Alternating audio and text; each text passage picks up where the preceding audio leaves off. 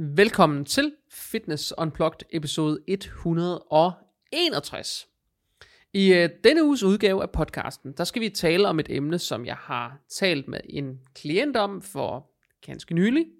Og øh, vi skal tale om sådan noget som indkøbsadfærd og hvordan det vi køber påvirker, hvad vi vejer. Fordi øh, det jeg havde øh, dialog om med den her kære klient, det var netop det her med, hvad, det var det, han var meget nysgerrig på, det var, hvad årsagen egentlig er til, at han har taget på i vægt hen over en årrække, og hvad det er for nogle ting, man kan kigge på ind i deres adfærd for at hjælpe vægten ned af sig selv, så man ikke hele tiden selv skal gå og tracke kalorier, og hele tiden selv skal gå og være opmærksom. Og det er klart, der er nogle ting i den måde, vi køber ind på, der afgør, hvor mange kalorier vi får ind.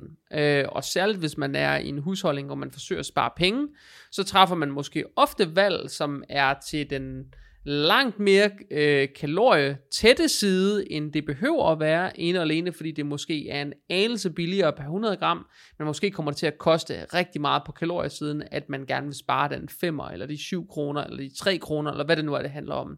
Så det kommer vi til at tale om i dag. Jeg har lavet en række eksempler sammen med min øh, lydmand Jakob. Vi snakker lidt om, hvad er det for nogle ting, som folk spiser i al almindelighed i deres husholdninger regelmæssigt. Altså ikke noget, man spiser to gange om året, men noget, man spiser regelmæssigt som ugentligt. Øh, og der har vi prøvet at krasse nogle eksempler ned for at illustrere for jer, hvad betyder det egentlig i praksis det her. Mit navn det er som altid Jakob Christensen. Jeg er jeres vært, og I kan hoppe ind og følge med i de ting, jeg laver med klienter og øh, fysisk PT og tips og tricks og vægttab og alt sådan noget, det kan I se inde på min øh, Instagram, by JS Christensen. I kan også følge med ind på min TikTok, den hedder det samme. Og skulle der sidde nogle af jer øh, derude, som er nysgerrige på at få hjælp til at få faciliteret enten noget muskelopbygning, eller en, måske en længere vægttabsproces, eller godt kunne tænke sig noget insight eller noget hjælp, øh, eller et par ekstra øjne til noget øh, performanceforbedring i forhold til sport, eller gerne vil øh, have hjælp til noget, øh, sådan noget fitness, competitive fitness øh, her til næste år, eller et eller andet, hvad ved jeg, så øh, hiv fat i mig øh, nu, fordi lige nu øh, her i maj og juni er jeg i gang med at øh, fylde de sidste pladser til opstart efter sommerferien. Så hvis du gerne vil i gang med noget efter sommerferien, så giver det ret god mening at hive fat i mig nu, fordi det er egentlig det, jeg sidder og bruger min tid på inden sommerferien. Så vil du gerne i gang, om det er noget online, eller noget fysisk, eller noget hybrid, det kan vi finde ud af i fællesskab, men vil du gerne i gang, eller i hvert fald have muligheden for at se på, hvordan kunne det se ud, jamen så hop ind på min hjemmeside, jskristensen.dk, og udfyld formularen på forsiden, eller også så hop ind på min Instagram og send mig en direkte besked. Øhm, det er sådan lige det.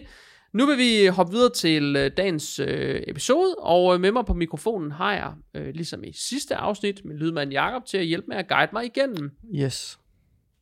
Jakob, nu snakker vi lige om de her ting sådan indledningsvis, mm. øh, og vi ridser nogle fødevarer op. Der er både nogle læskedrikke, og der er nogle kødvarer, mejeriprodukter osv. Øh, tænker du over det her når I handler? Tænker du så over, tænker du grundlæggende over de valg, du træffer, når du putter dem ned i kurven, at du træffer det mest kalorielette valg, eller tænker du over, at du træffer det mest prisbevidste valg, eller hvad fylder egentlig, når, når I handler? Jamen altså, ja, vi har jo snakket om det her en del gange i podcasten, i forhold til, at i starten, indtil for et år siden, har vi altid handlet en gang om dagen, eller ja, sådan noget, eller flere gange nærmest. om dagen. Ja. Øh, og så havde vi den der snak, øh, det er nok et lille år siden, der omkring, øh, øh, at I handlede en gang om øh, ugen. En gang om ugen? Ja, ja. og øh, i de sidste, det glipper selvfølgelig en gang imellem, altså, ja, ja. men, men øh, 9 ud af 10 gange handler vi en gang i om ugen. Så var der sådan en uge som sidste uge, hvor vi var ude og spise, og bla bla bla bla Men, men for det meste gør vi det. Og det har ja. jo allerede der, ved jeg, både økonomisk, men også kaloriemæssigt gjort en del. Altså ja. sådan, fordi at, som vi snakkede om... Jamen, så der er færre impulskøb. Ja, præcis. Ja. Øhm, men det vi gør, det er, at vi beslutter os for, hvad for nogle retter vi vil have, og så ja. køber vi egentlig bare... Så køber øh, I ind, så I ja, laver en madplan først, og præcis. så køber I ind til det. Ja. Øhm, typisk måske kigge på, hvad der er tilbud på den her uge, og så designer vi retter op omkring det. Ja, fint. Øhm, men så når vi står i det, så træffer vi egentlig, øh, så kigger vi egentlig mere på kalorierne i forhold til, at vi prøver at balancere det lidt. Der skal være lidt til den søde tand, men der skal være mest til bare sådan, hvad kan man sige, økonomisk, men også øh, sundt, eller hvad man skal sige. Ja. Øhm, så øh, øh, jeg har jo lagt og vejet det, jeg gør nu i rigtig lang tid, så jeg tager hverken på eller af. Sådan, jeg ligger Ja. sådan meget sådan Men du jævn. tænk, tænker Men vi du tænker over, faktisk rigtig kaloriemæssigt. Altså sådan der, hvor... At, tænker du over, når du rækker hånden ned i køddisken over, tænker du, fylder det så mere for dig, om du tager hakkekødet med, lad os sige, f- hvis, lad os nu sige, at øh, der er tilbud på hakkekød, lad os sige 14 til 18 procent, eller 12 til, hvad hedder den, 12 til 16, eller 12 til Mm. nej, det hedder 18, 8, eller hvad fanden hedder til, det? 8 til 12. 12 ja. Øh, lad os sige, der er tilbud på en af dem, og så kan man Ja. få 4 til 7, det er lidt dyrere. Mm. Tænker, hvad fy- fylder det så mere for dig, hvor øh, fedtprocenten ligger, eller hvor prisen ligger? Nu fylder prisen nok til, at jeg tager den, der hedder 8 til 12. Jeg har altid taget den der low, øh, altså den der 4 til 7. 7. Men nu, der tager jeg den... Øh, Så nu fylder prisen lidt i det. Ja, men den, hvad hedder det, jeg kan godt forstå, hvad du mener med, at jeg før, altså sådan, har været lidt selvmodsigende i det, jeg har sagt Ja. nu, men det er fordi generelt, men der er nogle ting, hvor man bliver så, hvad kan man sige, øh, principfast, hvor at man går på kompromis, men generelt, det er ikke sådan, at for eksempel hvis vi handler til lasagne, så kommer vi ikke ost og sådan noget ovenpå, hvis du forstår, hvad jeg mener. Så tager vi det- nogle, Det var ikke så komplekst. Ja, ja, jeg. kalorier, hvad Kan hedder den gule for en saft. Ja, Forstår du, hvad jeg præcis. mener? Ja, øhm, så, så for det meste er det kalorier, men nogle ting, hvor det er blevet så dyrt at tage det, så tager vi måske kompromis. Okay, så I kigger også på pris. Jamen det er mest det andet, men vi kan godt snige os op på den der 8 til... Hvis, hvis der er tilbud selvfølgelig. Ja, ja, ja. Øhm, Men så er det det med, om I er styret af, at der er tilbud, og så Ja. sige, okay, så tager vi den fede, uden at tænke over, at I jo nok spiser lige meget mad. Mm, men vi vil ikke tage den allerfedeste. Hvis der var tilbud Nej, på den, okay. så vil vi stadigvæk tage en af de andre. Okay, Øhm, så I, I, øh, I kigger på begge dele. Ja, i præcis, ja. Fordi den her samtale, jeg havde med den her klient, han, har, øh, han er gift, godt gift med en Mhm. revisor, som går op i pris, og hun er indkøbsminister. Og øh, de spiser selvfølgelig det samme i husholdningen, og det jeg var meget nysgerrig på, det var, hvad er det egentlig for nogle ting, der bliver valgt? Mm. Og hvor han sagde, at det bliver valgt efter pris, og det vil sige, at de vælger for eksempel det fede hakkekød, også selvom de sagtens kunne vælge noget mere mært. Og øh, vi gik en lang række fødevarer igennem sammen, hvor jeg sådan spurgte ind til, hvad gør I så for eksempel her og her og her? Og ofte så traf de egentlig det valg, som måske var nogle enkelte kroner billigere, eller hvor man fik lidt med i pakken til den samme pris, eller et eller andet, men hvor, hvor fedtprocenten eller kalorieindholdet var mærkbart højere. Og øh, vi har prøvet at liste nogle lidt tilsvarende eksempler her øh, i den podcast, vi skal igennem i dag, bare for at give jer som lytter en eller anden idé om, hvad har det af konsekvens, at man vælger efter, hvad det koster, i stedet for, hvor mange kalorier det koster. Fordi det, der jo er udfordringen med noget af det her, det er jo også, at i de pakninger, hvor der øh, er flere kalorier i, er der også ofte flere gram i. Og det er jo øh, en konsekvens af, at der er tilsat mere fedt, så det er billigere at lave i princippet. Mm. Øhm, og der er sandsynligvis også, lad os sige, det er hakkekød, jamen, så er der jo tilsat spæk, det er jo sådan, man får fedtprocenten op. Man tager jo i virkeligheden noget mere eller mindre magert kød, og så tilsætter man spæk efter, hvor, øh, hvor fedtholdigt det skal være, øh, Mm. det der kommer i pakken. Øhm, og derfor bliver det jo, det er jo en billigere råvare, man Mm. sætter til, og derfor bliver prisen lavere, og den bliver højere, hvis der er mindre fedt i. Hvad handler I efter? Øh, øh, kalorier. Altid kalorier? Altid den Okay. mager. Altid den mager. Okay. Hvis der er en mager udgave, så tager vi den mager udgave. Okay. Altid, evig og altid. Øhm, det er så mig, der handler, kan Mm. sige. Så det er et levn fra min øh, fortid med sådan noget competitive fitness og sådan noget, men det er også en tanke om, at jeg vil hellere have mest mulig mad for de samme kalorier, end jeg vil have mindst mulig mad. Mm. Og udfordringen med noget af det her med pakningsstørrelse, det er egentlig også derfor, jeg nævner det her med, at den, den kalorieholdige pakke, den fede pakke, er der ofte mere indhold i. Mm. Udfordringen med det, det er, at for det første spiser man jo så derfor flere kalorier, men vi spiser det, der er i pakkerne. Det vil sige, hvis man åbner, åbner en pakke hakkekød, så er man mest tilbøjelig til at bruge pakken. Mm. Eller dele den i for eksempel to lige store øh, portioner, mm. eller et eller andet. Men man er, det er man lige tilbøjelig til, om man vælger den, den fede eller den mindre fede. Så er man lige tilbøjelig til at bruge en lige stor sådan synsmæssig portion. Og det, det er en del af problemet her. Det vil sige, hvis man er, er tilbøjelig til at vælge den kalorie tætte udgave af en fødevare, så er man også samtidig tilbøjelig til at spise langt flere kalorier, end man ellers ville. Og derfor er der noget her at være opmærksom på. Mm. Så en sammenligning kunne for eksempel være, nu snakker vi hakkekød før, Øh, hvis man tager den, der hedder 14-18%, den kunne jeg godt nok ikke finde på at købe. Altså, jeg har aldrig købt den, tror jeg. Øh, men jeg ved, der er mange, der køber den, som er sådan i spare-mode, så køber de den der 14-18, fordi så er det den, der er billig, så kan den måske snige sig ned omkring 30 kroner per halve kilo, eller måske endda lige under, øh, hvis man er heldig, ikke? I sådan en pakke er der 227 kalorier per 100 gram, eller 1135 per 500 gram, fordi det er hele pakken. Mm. Hvis man så prøver at kigge på den magre udgave, som er den, der hedder hvad, 4-7%, så er der tilsvarende 136 kalorier per 100 gram, og 544 per pakke, fordi der ofte kun er 400 gram i. Det vil sige, at hvis man kigger på det pakke mod pakke, så er der mere end dobbelt så mange kalorier i den fede pakke, som der er i den magre pakke. Over dobbelt så mange kalorier i, fordi der er 100 gram mere i den ene. Ikke? Mm. Men kigger man på det per 100 gram, så er der sådan noget knap 100 kalorier mere per 100 gram. Og det er klart, det betyder noget for, hvis man for eksempel siger, at man spiser, øh, lad os sige, man spiser øh, to pakker om ugen i en husholdning. Hvis man så spiser to pakker om ugen, og der er 52 uger på et år, Mm så er der 52 gange 2. Det vil sige, så er der 104 pakker, man spiser på et år. Hvis man spiser 104 pakker af 1135 kalorier, så spiser man 118.000 kalorier. 118.000 kalorier. Mod hvis man spiser øh, tilsvarende af den mere, så får man 56.000 kalorier i sin husstand. Hvad er forskellen mellem de to? Jamen det er jo så 100 118.000 øh, mod 56.000. Så ikke også? 70.000. Så det, det, øh, det, er- det, er mere end en, det er mere end en fordobling Ja. her. Ikke? Det er mere end en fordobling. Men lad os nu sige, at man kan så spare... Øh, du sparer omkring 62.000 kalorier. Hvis vi siger, der er et kilo fedt i, halv, i 7.000 kalorier, Mm. der er der et kilo fedt.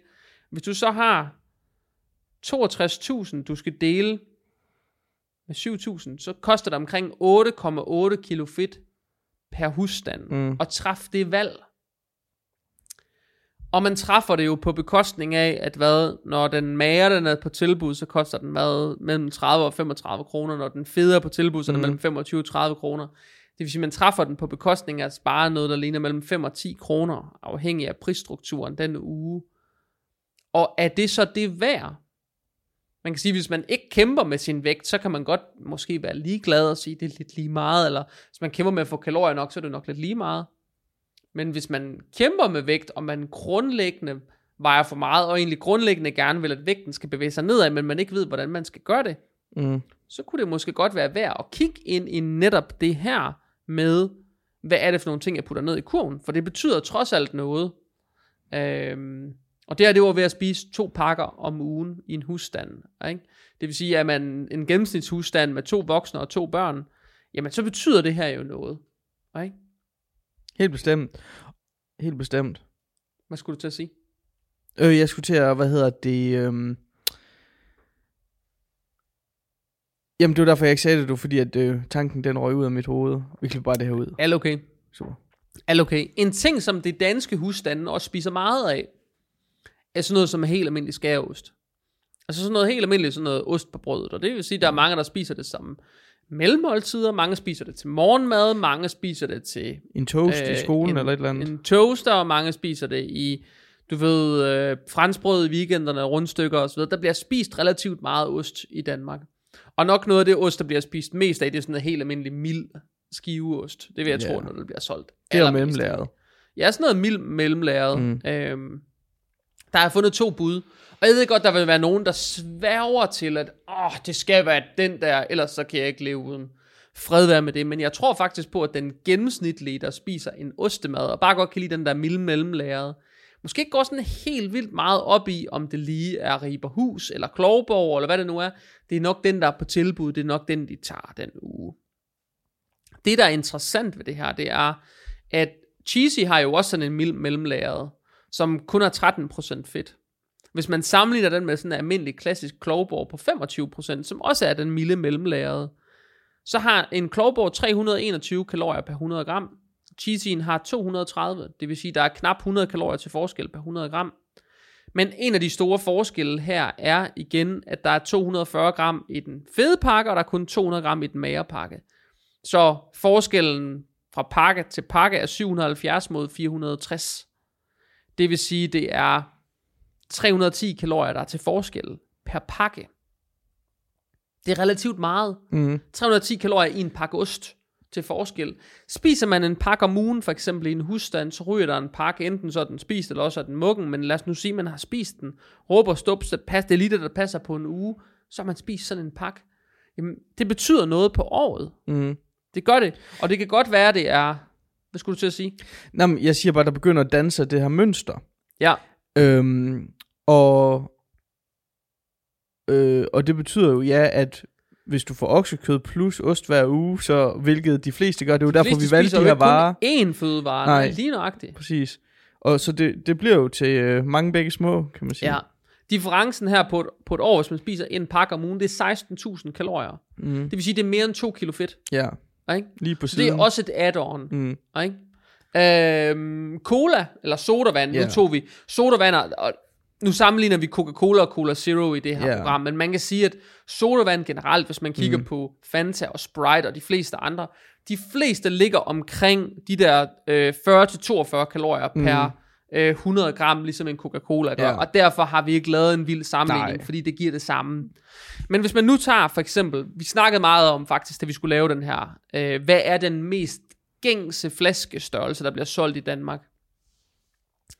Og ja, mit gæt er, at der bliver solgt mest halvanden liter, i hvert fald i supermarkederne. Det kan Ja. godt være, at tankstationerne ser et andet mønster, mm. fordi at de sjov nok sælger noget, der passer i kopholderen. Mm. Men jeg tror, i supermarkedet, altså når man handler ind, Mm. så tror jeg på, at det er halvanden liter, der bliver solgt mest Ja. af. Øh, og når man er på tanken eller på farten, så er det måske en halv liter. Men lad os nu sige, det er halvanden liter. Så i halvanden liter Coca-Cola er der 630 kalorier. I halvanden liter Cola Zero er der mellem 0 og 1. ikke? Så forskellen er jo sjovt nok, lad os sige 630.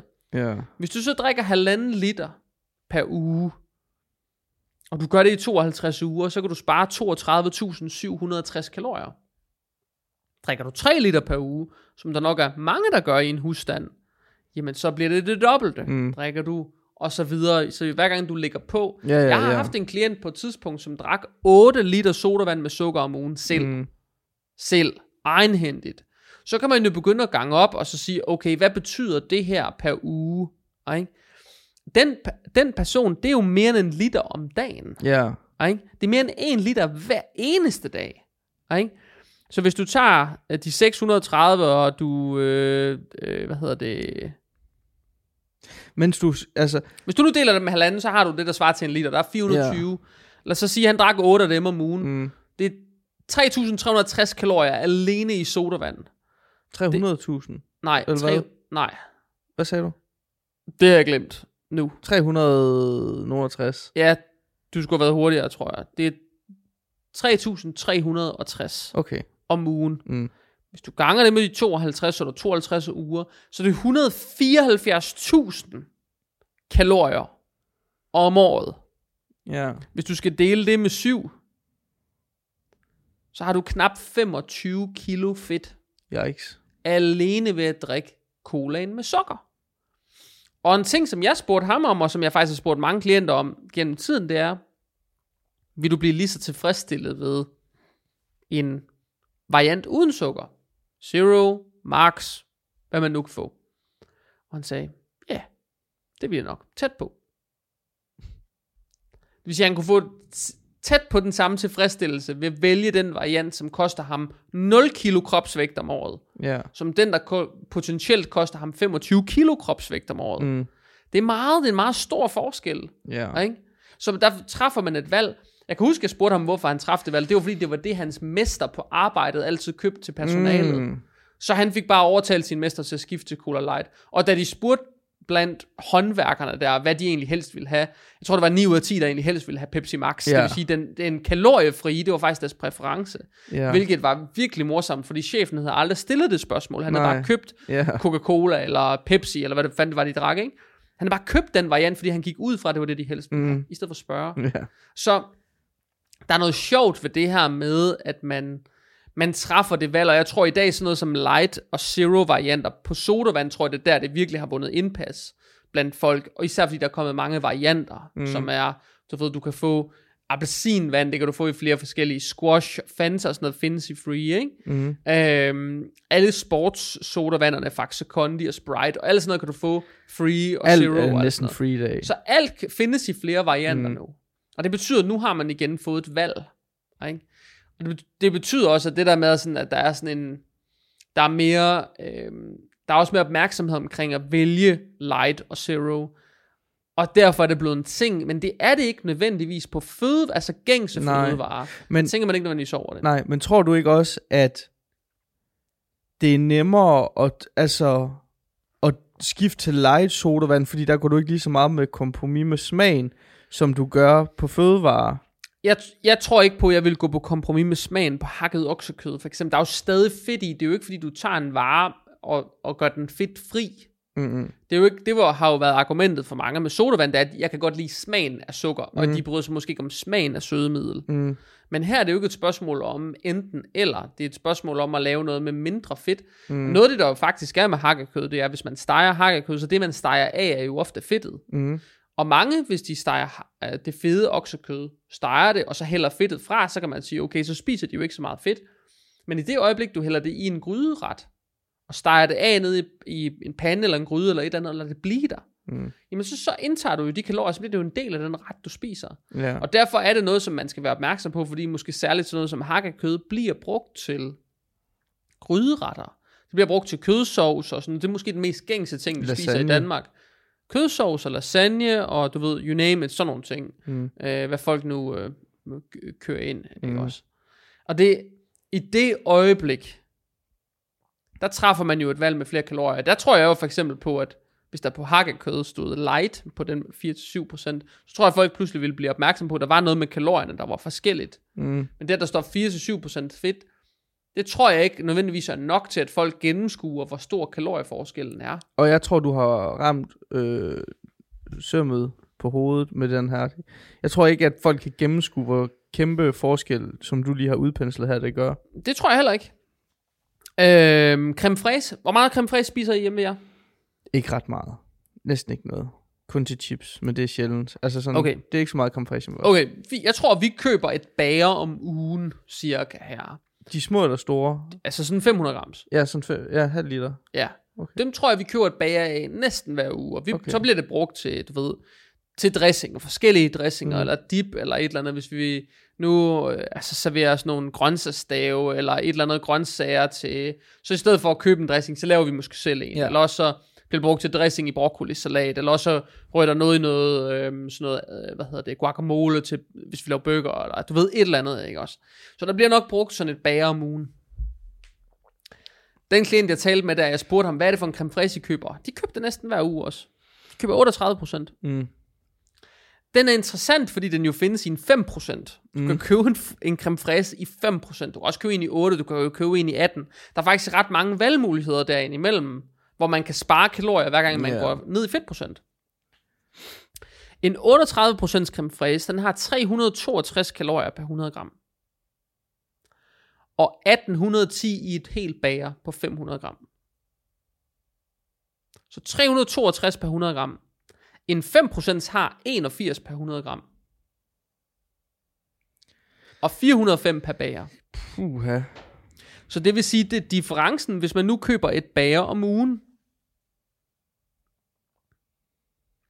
Du det er må... 1405 kalorier, man kan spare hver uge, hvis det, man laver det her, hvis man mm. har det her reelle scenarie derhjemme. Og det kan også være, at man har en, lad os sige, man bare bytter til en 18, og så er det mindre, så er differencen mm. mindre, men der er stadig noget sparet. Hvis yeah. det er 1405 kalorier om ugen, og man ganger det med 52 uger om året, så er det 73.000 kalorier om året. Det vil sige, det svarer til mere end 10 kilo fedt. Mm. Mere end 10 kilo fedt. Og det kan godt være, at folk de sådan sidder og tænker, ja ja, men det er spredt på en husstand. Og ja, ja, men så husk, at det hele husstanden, der bliver på, påvirket af mm. det her. Ikke også? Altså, vi er jo også op på... Øh, vi er jo også op på sådan 30-40 kilo. Altså så nu... Ja, snart, altså sådan, når vi er færdige med listen, ja, så tror jeg, vi har en 30-40 kilo ja, om året. Ja, tror og jeg. det er jo så... Og man kan også sige hele husstanden. Hvad kan man sige, hvis det er faren spiser øh, 40%, og moren spiser 30%, og børnene spiser øh, resten af procenterne, ikke også? Så er jo. det jo også klart, at, hvad hedder det... Øh, at der er nogle kiloene vil blive fordelt lidt skævt og sådan noget og børnene er måske mere aktive end for... Der er alle mulige der er, faktorer. Der er helt sikkert nogle variabler, og børnene har også et højere stofskifte, ja. mens de er i voksealderen. Mm. Ikke? Også de, bliver ikke, de er ikke så vægt på virkelige, og de har faktisk bedre appetitregulering, end voksne mm. har. Så de er bedre til at sige ja tak og nej tak. Øhm, og de voksne, de spiser nok gennemsnitligt set flest af deres kalorier til aftensmad. Ja. Ikke? Det er det største måltid for danskerne, det er aftensmad. Ja. Tror du ikke også, de fleste har den der, fordi jeg lever jo efter det der med, jeg prøver at stoppe, når jeg øh, ikke skal have mere, men der er jo mange, ja. der sådan, og der er lige øh, to pølser tilbage, eller et eller andet i den stil, Spiser og så de hakker de det ind, hvor at vi hjemme også der, vi er gode til at gemme det til rester, ikke også? Mm. Så, så, så den kultur, den påvirker det jo også meget, det der med, at øh, så spiser, sådan, det er i forvejen det største, og måske mest kaloriefyldige øh, måltid i forvejen. Det er klart, ja. Og så kommer der spise op-faktoren. Så er der en spise op-faktor ja. også, ja. Det kan man jo løse på mange andre måder, det kan vi Helt prøve at ind i en anden podcast. Ja, ja, ja. Men, men jeg synes stadig, det er interessant. Øh, vi har prøvet at tage et eksempel med mm. mælk også. Ja. Nu snak, altså, der bliver jo drukket meget mælk i Danmark, ikke? Mm. Øh, og vi producerer sindssygt meget mælk, ikke? Altså Arla er jo en gigantisk altså, mælkefabrikant ja. i princippet, ikke? Og de eksporterer jo sindssygt, altså det er også en stor eksportør ja, øh, i, i dansk økonomi, ikke? Hvis man tager sådan noget som mælk, jeg tror, de to mest gængse mælketyper, vi blev enige om, der blev købt, det var garanteret let og minimælk. Mm. Ikke? Forskellen er jo ikke hjernedød stor, den er 10 kalorier per 100 ml. Men hvis man nu tænker over, at man et gennemsnitligt drikkeglas omkring 200 ml, mm. ikke? jamen så, så er der i hvert fald omkring 20 kalorier til forskel. Ikke? Men lad os nu sige, at man prøver at gaste lidt op, og så sige, at forskellen er 10 kalorier per 100 ml, eller 100 kalorier per karton. Ikke? Så 100 kalorier til forskel per karton. Så kan man jo prøve at kigge på, hvor mange kartonger køber man, hvis man kører på letmælken. Mm. Hvor mange kartonger er det så egentlig, man køber? Man kan, også, man kan jo også spare noget og lægge til i begge ender. Man kan yeah. gå til skummet mælk, og man kan gå til sødmælk, hvis man vil, eller piskefløde, yeah. eller hvad man kunne tænke sig. Ikke? Men, men hvis man nu siger, det er 100 kalorier per mm. karton, og man så siger, at en gennemsnitlig husstand i Danmark drikker hvad? 4-5 liter eller sådan Hvor mange drak, drak du ikke en liter per dag, da du boede hjemme? Ha, jo, det gjorde jeg nemt ja. der. Ja. Så du kan Min godt mor, købte, da vi købte mest mælk derhjemme, købte hun 24 liter om ugen. Ja. Det var også ekstremt, vi var seks personer, ikke? True, men hvis du er sådan uh, to teenager, der træner lidt, ja. Så er det jo, f- tror du så 5 liter kan slå altså, til? Prøv at spørge alle de forældre, der køber mælk til deres børns havregryn, ja. for eksempel, ikke? Altså spise havregryn med mælk på, ja. eller mælk på et eller andet morgenmadsprodukt. Ja, havrefras eller sådan noget. Havrefras eller et eller andet andet random, ikke? Der kører mm. godt nok nogle liter mælk ned. Ja. Lad os nu sige, det gennemsnitlige ja. er jeg synes 5, det var godt sagt. 5 liter tror jeg ikke er off. Nej. Hvis du så har, det er så 500 kalorier om ugen i difference. Ja. Hvis der så er 52 uger på et år, så er det 26.000 kalorier. Mm. Du skal dele med 7.000. Mm. Ikke? Så har du 3,7 kilo mm. kropsvægt. Ikke? Ren fedt. Ren fedt. Mm. Ikke? hvis man skal omkonvertere det ja, til ja, fedt, præcis, ikke? Fordi ja. det er jo også sådan noget med, at man er i overskud og underskud og alt ja, sådan noget, ja, ikke? Ja, ja. Det er jo en helt anden diskussion. Præcis. Men det er klart, at det, der er interessant for det her, det er jo, at dem, som er i underskud, de vil kunne spise endnu mere mad mm. For de samme kalorier. Dem, som er i overskud, de vil automatisk bevæge sig ned mod en energibalance eller Ja. ned mod et underskud. Det vil sige, dem, som er i, en, i, en, et sted i deres liv, hvor de tager på i vægt, Mm. det vil blive bremset, eller også så vil de faktisk begynde at tabe sig. Mm. Dem, som er i en fase, hvor de sådan går og taber sig, de vil kunne spise mere, Ja. eller have behov for at spise mere. Så selvfølgelig skal, skal man være ops på det her.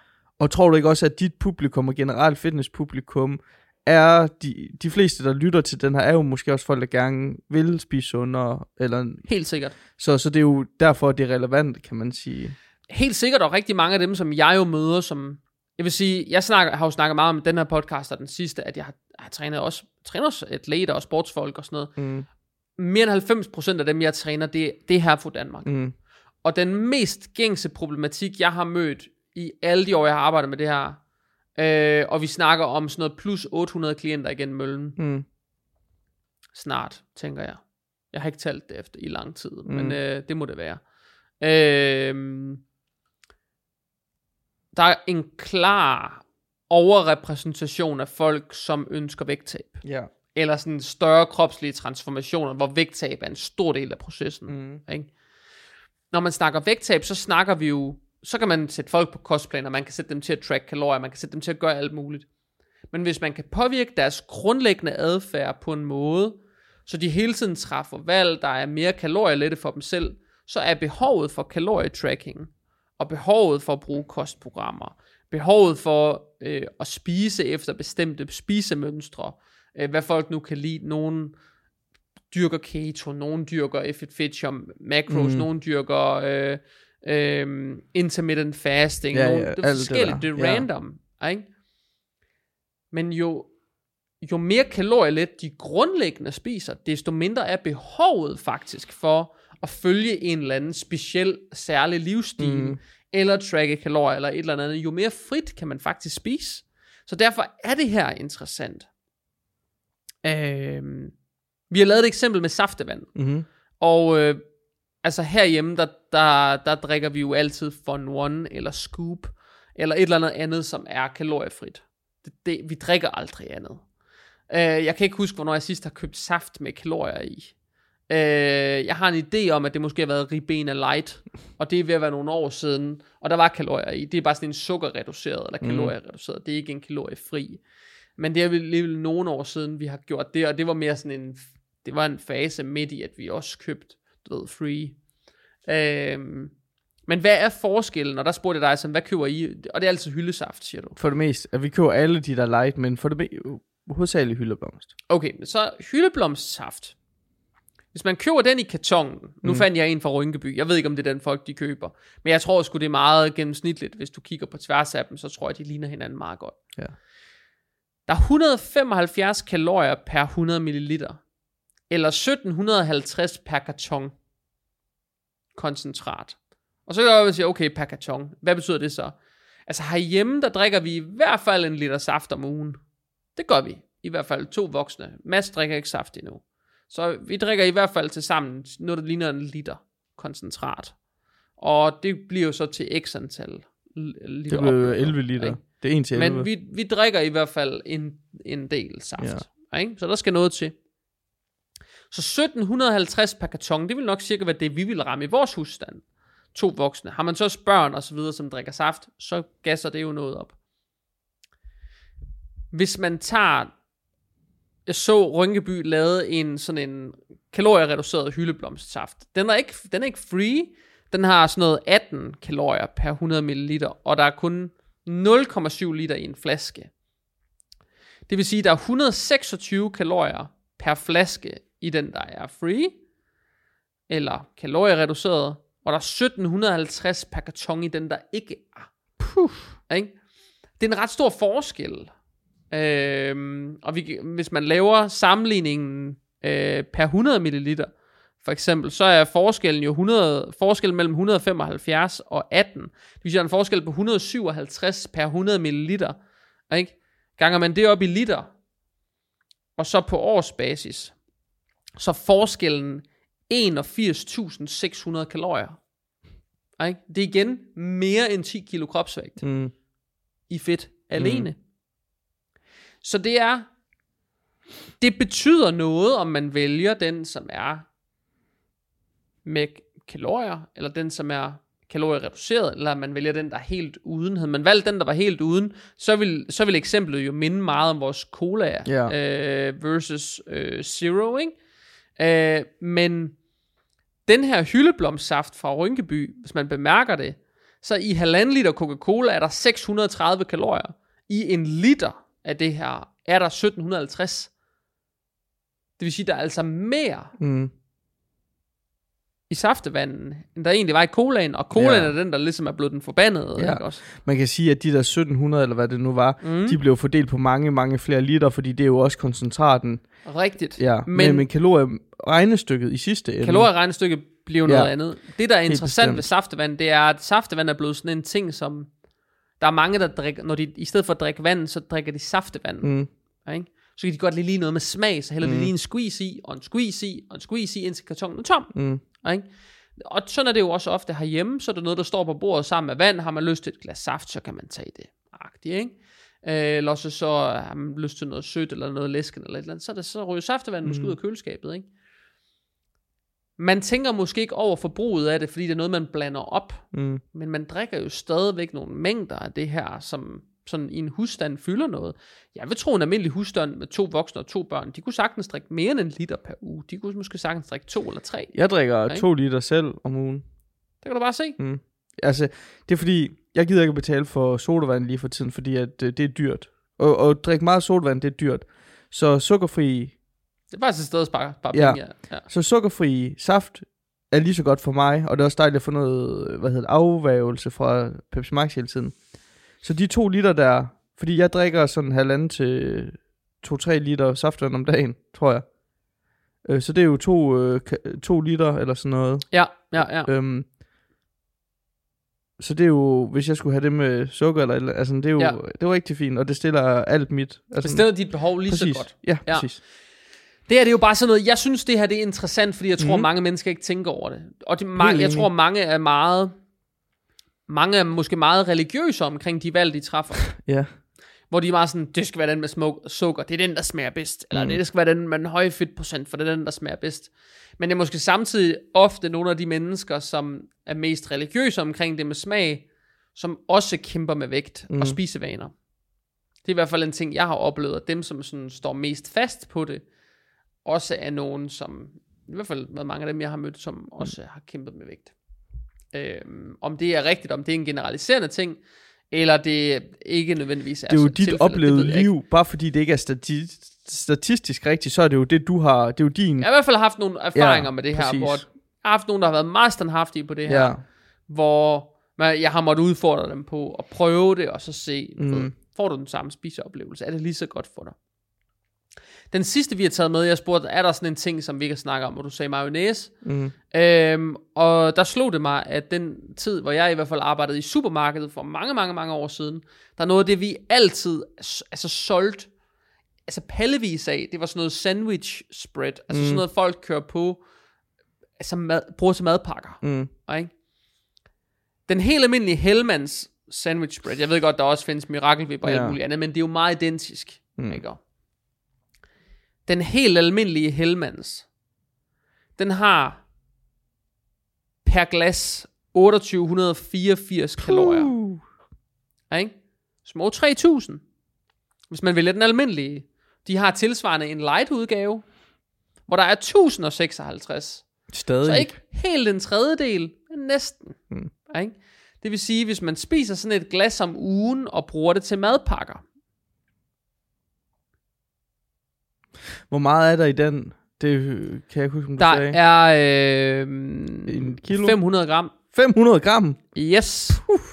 Så differencen her, den er 1828 kalorier. Hvis man spiser et glas om ugen, Ja. så er der 95.000 kalorier til forskel om året. Alene ved, når man går forbi mayonnaisehylden og vælge light i stedet for ikke light. Mm. Og det er der noget interessant i det her. Der er noget vildt interessant i det, fordi det er jo ikke kun sandwich bread, vi køber som tilbehør. Det er jo også ketchup, det er remoulade. det er rigtig mange sådan andre ting, som vi bruger som tilbehør, som vi ikke tænker over, at vi bruger, men mm. som, vi, som bare et add-on på alle vores måltider, eller mange af vores måltider. Ikke? Ja.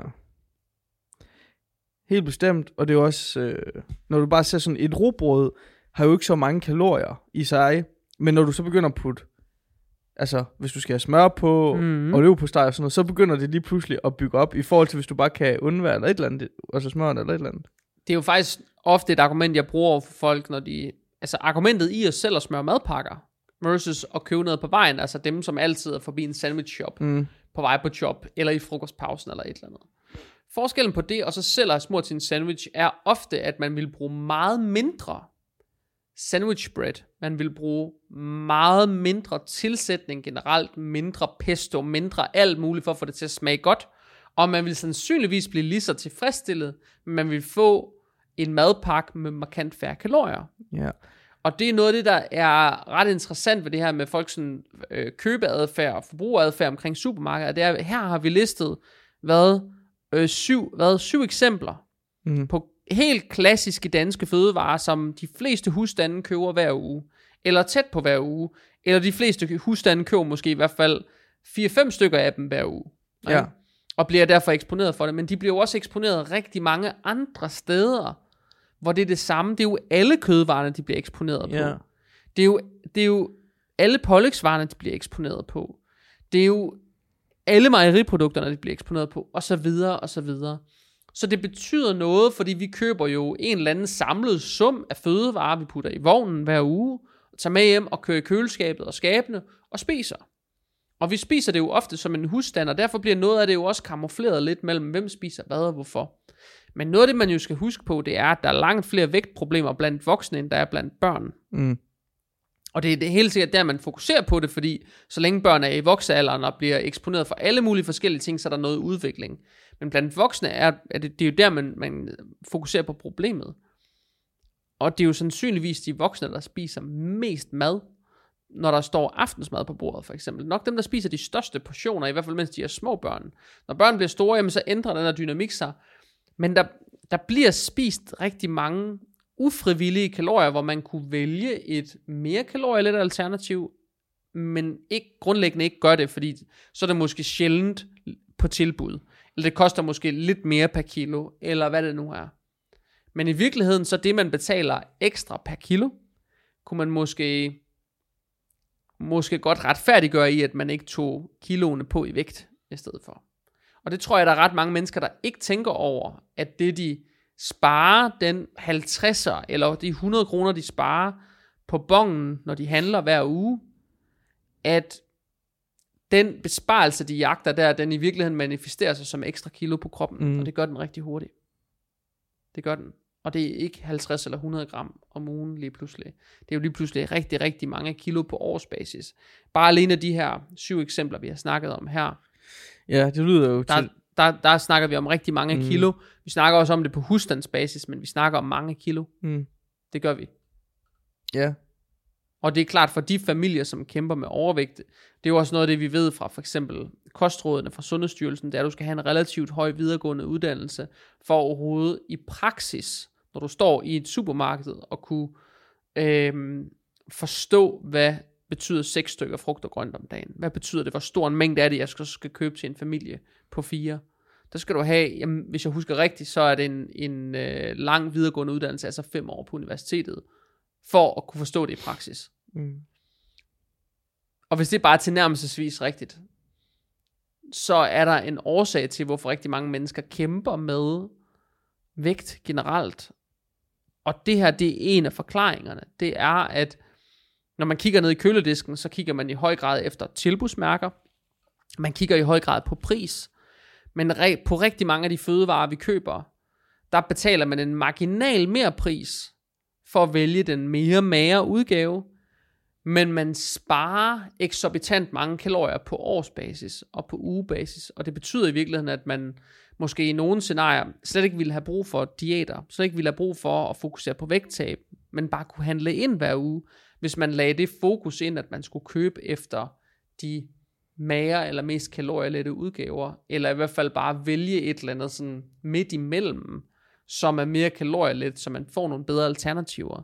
Det vil, det vil have en stor påvirkning på, hvor mange kalorier vi spiser som en husstand eller som enhed. Det betyder noget på den lange bane. Man kan jo forestille sig, hvis man gør det her som husstand. Her har vi i hvert fald remset op for et sted mellem, nu siger jeg, øh, et sted mellem 40 og 50.000 plus kalorier i husstanden om året. Hvis ikke det er mere. Mm. Øh, det er jo nok mere. Er det ikke det? Det ved jeg ikke. Jo, jeg synes, det var, tvivl. det var... Jeg følte, Men vi næsten, eksemplerne er jo ja, også ja. mange, og de er jo spredt. Men lad os så sige, det er sådan noget... Lad os sige, man rammer de her 4-5 stykker af dem her. Så mm. ligger man måske omkring 50.000 kalorier eller sådan noget i difference om året, ja. man kunne spare. Hvis man gør det i 10 år, 20 år, 30 år, så kan man jo begynde at lægge nullerne på, og så se, mm. hvad det betyder, for det, det vil få en betydning her. Det ja. vil få en, en rigtig stor betydning.